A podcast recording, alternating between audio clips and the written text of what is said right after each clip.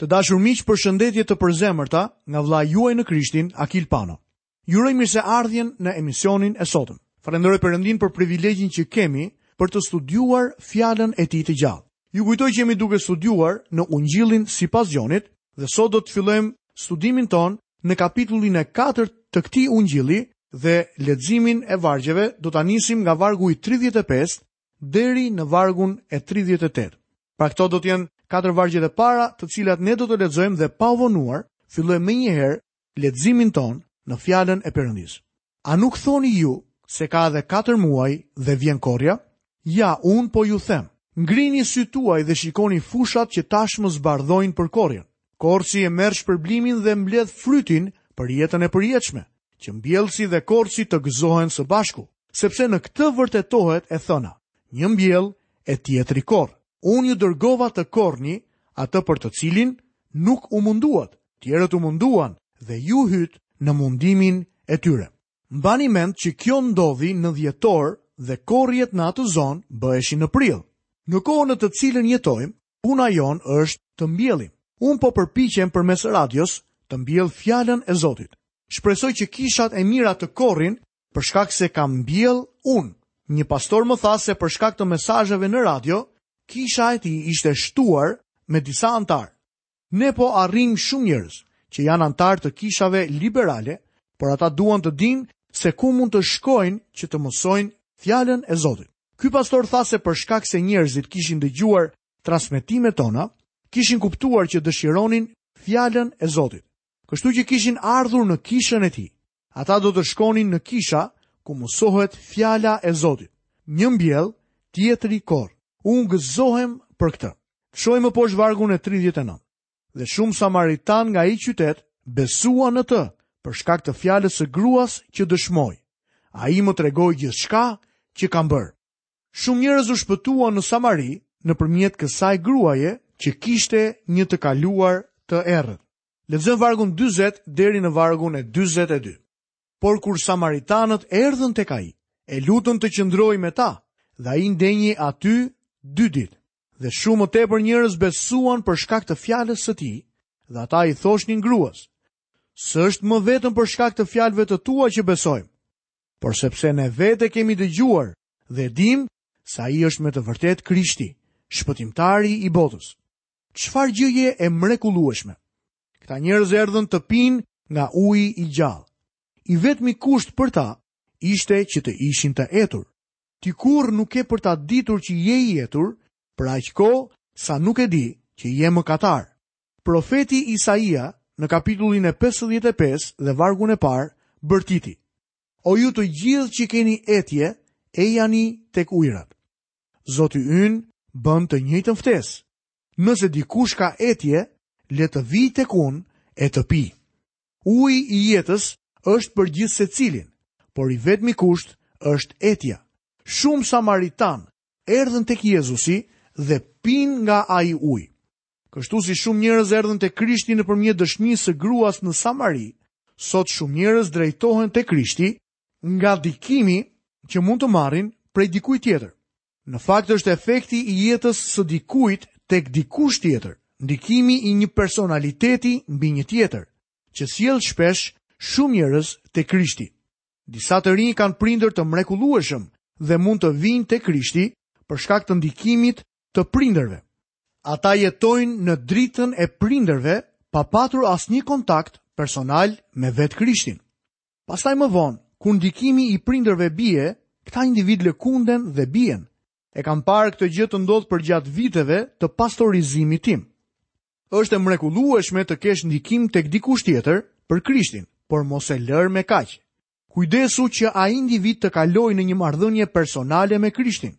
Samaritanët thanë, S'është më vetëm për shkak të fjalëve të tua që besojmë, por sepse ne vetë kemi dëgjuar dhe dimë se ai është me të vërtetë Krishti, shpëtimtari i botës. Tani do të shohim një çështje tjetër. Jezusin i cili shëron djalin e fisnikut në Kapernaum. Lexojmë nga vargu 43 deri 46. Pasi kaluan ato dy ditë, u nis prej andej dhe shkoi në Galile, sepse vetë Jezusi dëshmoi se një profet nuk nderohet në vendlindjen e vet. Pra kur arriti në Galile, galileasit e pritën sepse kishin parë të gjitha ato që kishte bërë në Jeruzalem gjatë festës, sepse edhe ata kishin shkuar për festë. Jezusi erdhi pra përsëri në Kanë të Galilesë, ku e kishte bërë ujin verë. Dhe aty ishte një nëpunës i mbretit, djali i të cilit ishte i sëmurë në Kapernaum. Vini re sërish gjeografinë që na paraqet Gjoni në këtë moment. Jezusi largohet nga Samaria dhe shkon në Galile, dhe shumë Galileas besojnë në të, për shkak se e kishin parë në festën dhe kishin vëzhguar gjithçka që kishte bërë. Pastaj ai shkon specifikisht në Kanë të Galilesë, sepse aty ishte një fisnik, djali i të cilit ishte sëmurë në Kapernaum. Lexojmë vargun 27. Ky, kur dëgjoi se Jezusi kishte ardhur nga Judeja në Galile, shkoi tek ai dhe iu lut që të zbriste dhe ta shëronte birin e tij që ishte gati për vdekje. Këtu na jepet një baba që ushtron besimin për të mirën e djalit të tij. Kjo ilustron gjërat që sapo thamë. Sigurohuni që fëmija juaj të ketë një kontakt personal me Zotin Jezu Krisht. Gjëja kryesore do të kishte qenë që ati ta kishte sjellë djalin te Krishti. Mendoj se ne kemi të drejtë t'i fitojmë të dashurit tanë për Krishtin.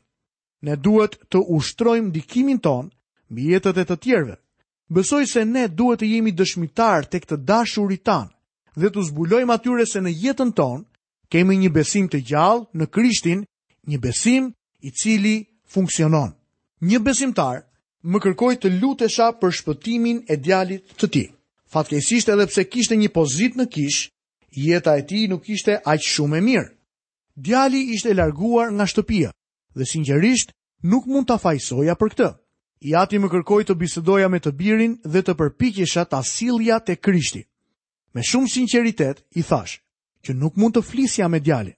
I thashë ti i ke shërbyer atij djali si një predikues, kritikues për një kohë të gjatë, kështu që ai nuk ka për të më dëgjuar. Nuk ke bërë asgjë tjetër përveç se e ke kritikuar djalin tënd. Tani e ke humbur ndikimin tënd tek ai dhe unë do të lutem që dikush tjetër të përpiqet të ketë ndikim tek djali yt dhe ta sjellë tek Zoti. Miq, nëse jeni prindër, kujtoni se jeta juaj ka ndikimin më të madh dhe më të fuqishëm, të mirë apo të keq mbi fëmijët tuaj. Ky fisnik shohim vjen tek Jezusi,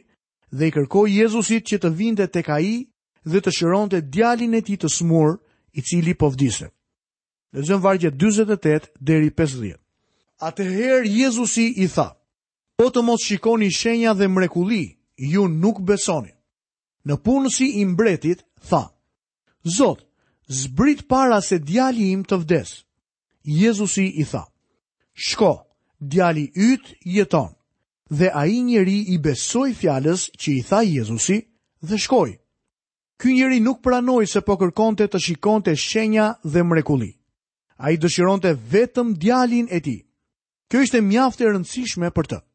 Jezusi iu përgjigj besimit të këtij njeriu dhe i shëroi djalin. Kjo është e mrekullueshme. Nuk e dimë nëse djali i tij e njohu ndonjëherë Krishtin. Kjo kishte më shumë rëndësi. Shpresojmë që i ati ta ketë çuar pasi u shërua. Gruaja samaritane, edhe pse kishte qenë grua jo me një moral të mirë, i solli burrat ballë për ballë me Zotin Jezus. Ti mund të ndikosh tek dikush që ndoshta asnjë predikues nuk mund ta arrijë. Në fakt, Askush tjetër nuk mund t'i arrijë individët përveç teje. Ti ke një ndikim mbi individët. Sigurohu që t'i çosh ata përballë me Krishtin. Lexojmë më poshtë vargun 51 dhe 52.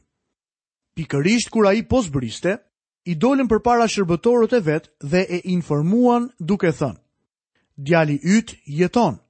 Dhe ai i pyeti ata, Në cilën orë u bë më mirë? Ata i thanë, Dje në orën e shtatë e lanë ethet.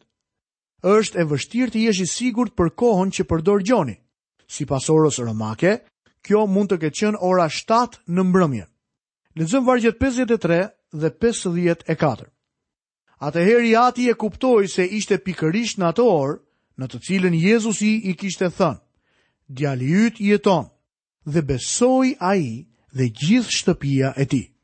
Jezusi bëri edhe këtë shenjë të dytë, kur u kthye nga Judea në Galile. Babai i fitoi të gjithë pjesëtarët e shtëpisë për Krishtin. Gjithsecili prej tyre duhet të shfaqte besimin e tij personal Por ky njeri u foli dhe shfaqi ndikimin e tij për Krishtin.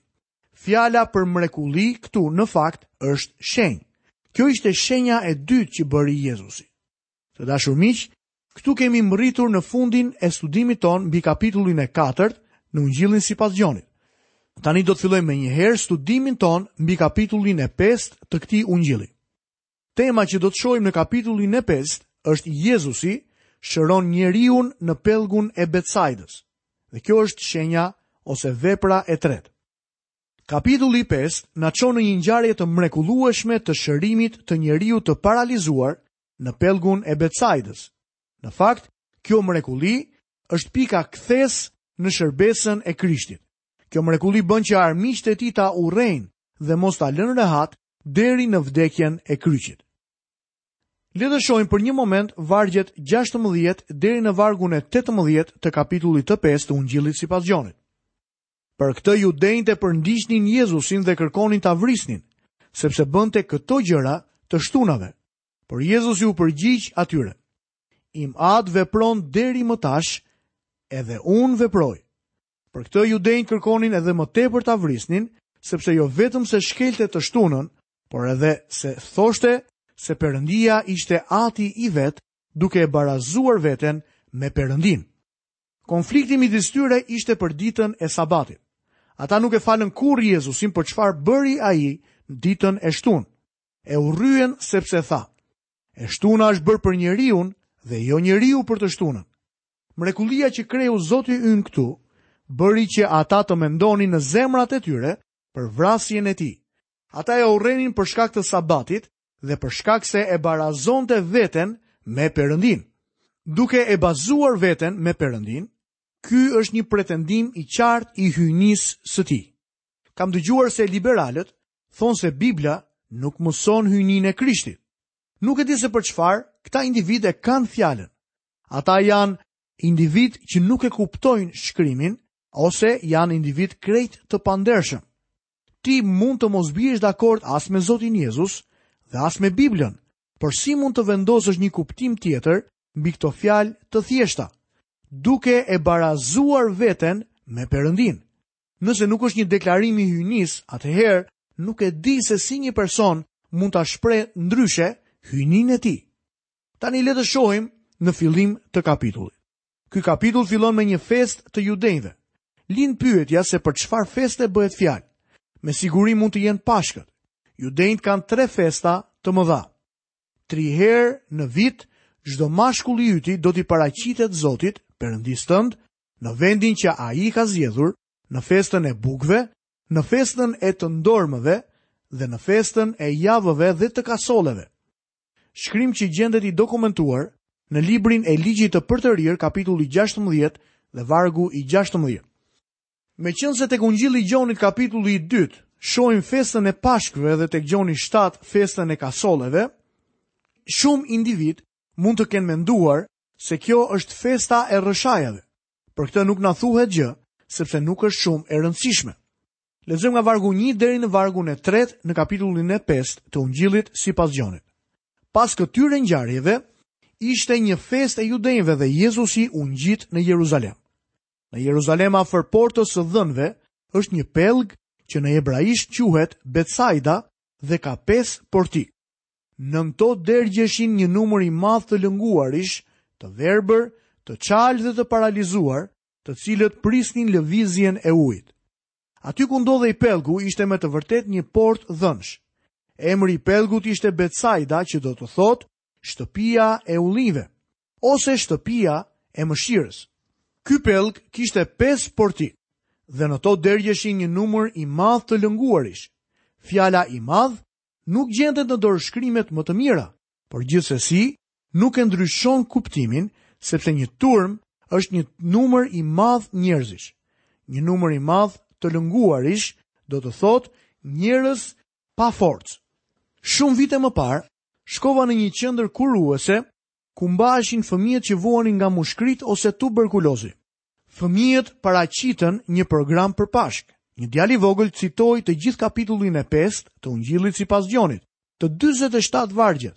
Bëri vetëm një gabim, por unë personalisht nuk mendova se ishte gabim. Vargun e tretë ai fëmijë e citoi në këtë mënyrë. Në to dergjeshin një numër i madh me njerëz të rëndësishëm. Disa njerëz buzëqeshën kur e tha këtë fjalë. Ndërsa unë fillova të mendoja për këtë dhe kuptova se ai djalë kishte të drejtë. Ata njerëz ishin të rëndësishëm. Njëri prej tyre bëri që Jezusi të vinte në atë vend dhe çdo person tjetër do ta kishte sjellë Jezusin aty. Këta njerëz ishin të rëndësishëm për të.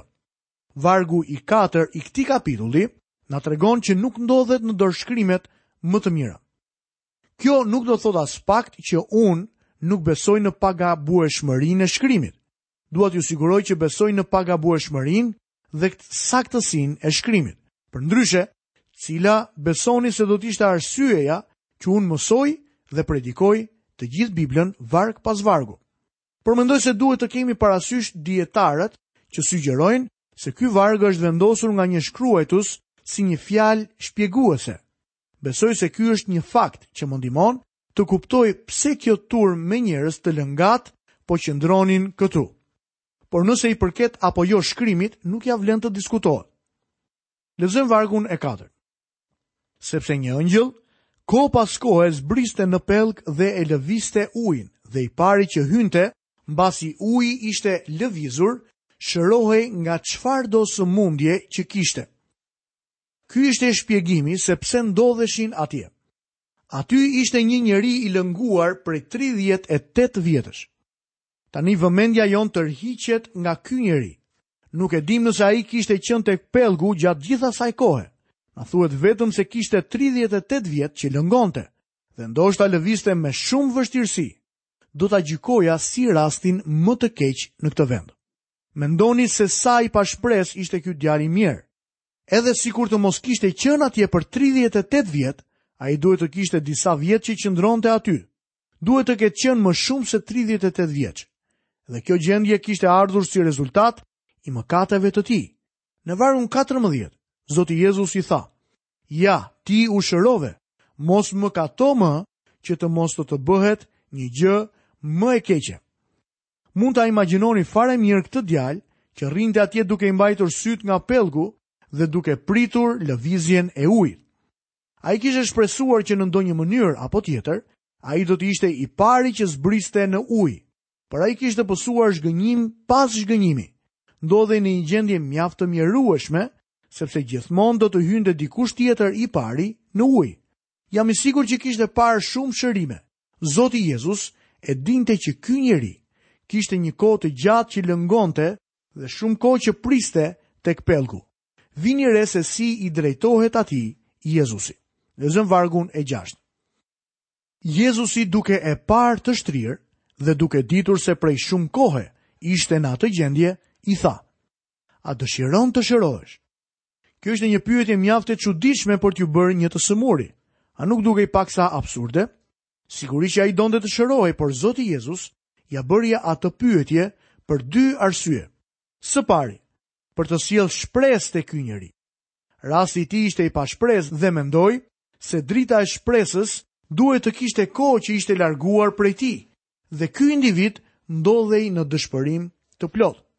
E dyta, Dhe më e rëndësishmja, është se Jezusi donte që ai t'i largonte sytë nga pellgu dhe të përqëndrohej tek Zoti. Mendoj se i sëmuri nuk kishte parë kurrë asnjë person që t'i vinte pranë. Ai nuk shikonte asgjë tjetër përveçse pellgut. Kështu që Zoti ynë e befasoi me këtë pyetje. A dëshiron të shërohesh me të vërtetë? Mendoj që njeriu duhet të ketë ngritur kokën dhe të ketë parë nga Zoti Jezu Krisht. Kush mund të bënte një pyetje të tillë? Përgjigja e tij ishte sigurisht që dua të shërohem. Por nuk është ky problemi im. Kam nevojë për një njeri që të më fusë në ujë. Shumë njerëz sot ndodhen në të njëjtën gjendje si ky njeri që shikonte pellgun, duke pritur të ndodhte diçka. Madje guxoj të them se kjo është gjendja e të gjithëve në këto ditë. Ne po presim, vetëm mendoni për njerëzit në kishat tona, të cilët presin për ndonjë emocion të madh gjithë përfshirës që t'i gllabërojë. Pastaj ka nga ata njerëz që e shtyjnë gjithmonë e më shumë marrjen e vendimit për Jezusin. Ata nuk janë të gatshëm të kthehen tek ai, sepse kërkojnë një emocion. Po presin të ndodhë diçka. Një grup tjetër njerëzish i kanë sytë e tyre tek puna e tyre dhe presin të ndodhë diçka në mënyrë që të pasurohen me shpejtësi. Unë kam qenë pastor në një vend ku shpoheshin puse nafte. E dija se shumë njerëz qëndronin ulur dhe shikonin një pus të tharë. Nuk kishte ndonjë lëvizje të ujit apo diçka tjetër, ai pus ishte i tharë. Ata dëshironin që pusi të kthehej në një pus me naftë dhe i kishin fiksuar sytë e tyre në natyroren. Për shkak se ai material kishte hyrë në jetët e tyre, ata e humbën Krishtin nga sytë. Shumë njerëz shohin tek të tjerët, dëgjojnë për eksperiencat e dikujt tjetër dhe presin që të ndodhë e njëjta gjë edhe në jetët e tyre. Por shpesh herë zhgënjehen. Kam folur me shumë nga këta njerëz. Ata presin me sytë e tyre të ngulur mbi diçka, Fatkeqësisht ata i kanë fiksuar sytë në gjënë e gabuar, personin e gabuar apo ngjarjen e gabuar. Po ti, a po pret të ndodhë ndonjë nga këto gjëra në jetën tënde? Nëse do të më tregoje se çfarë është, atëherë unë do të të shkruaja biografinë tënde. Tek letra drejtuar Selanikasve, në letrën e parë të drejtuar Selanikasve, kapitulli i parë dhe vargu i 9, apostulli Pal shkruan: u kthyen nga idhujt tek Perëndia për t'i shërbyer Perëndisë së gjallë dhe të vërtetë. Ata i hoqën sytë nga gjërat e tjera në Selanik dhe i kthyen tek Zoti Jezu Krisht. Jam i sigurt që ky njeri ngriti kokën mjaft i çuditur që një person mund t'i bënte atij një pyetje të tillë. Lexojmë vargun e shtatë. I lënguari u përgjigj, Zot, unë s'kam njeri që kur lëviz uji të më fusë në pellg, dhe ndërsa unë po shkoj, një tjetër zbret para meje. Çfarë historie e trishtueshme! Ky djalosh i mjerë dhe i pashpresë, i paaftë, pa familje, është duke thënë, A mund të shërohem? Sigurisht që po, por unë nuk kam njeri që kur lëviz uji të më fusë në pellg. A do të më fusësh ti në pellg? Zoti Jezus nuk kishte për qëllim ta fuste në pellg. Ai do ta çlironte atë përgjithmonë. Në momentin që nguli sytë tek Jezusi, diçka ndodhi. Vargu i 8. Jezusi i tha: "Çohu, merre vigun tënd dhe ec." Ai i tha atij që të ngrihej, të merrte krevatin e tij dhe të ecte. Ai duhej të merrte shtratin e tij sepse nuk kishte asnjë marrëveshje për një përsëritje të dytë. Nuk duhet të ketë asnjë përsëritje. Njeriu u shërua në atë çast, mori vigun e tij dhe eci. Kjo është e mrekullueshme. Të dashur miq, minutave tona u ka ardhur fundi edhe për ditën e sotme. Jam mirënjohës Perëndisë që kemi qëndruar së bashku të studiojmë në kapitullin e 5 të Ungjillit sipas Gjonit dhe të citojmë nga vargu i 8 në fund të minutave të këtij studimi. Ju kujtoj që vazhdimin e kapitullit 8 në Ungjillin sipas Gjonit do ta studiojmë në herën e ardhshme. Nga vëllai juaj në Krishtin Akil Pano, paçi të gjitha bekimet dhe paqen e Perëndisë në jetën tuaj. Bashkë mirudëgjofshim në emisionin e ardhshëm.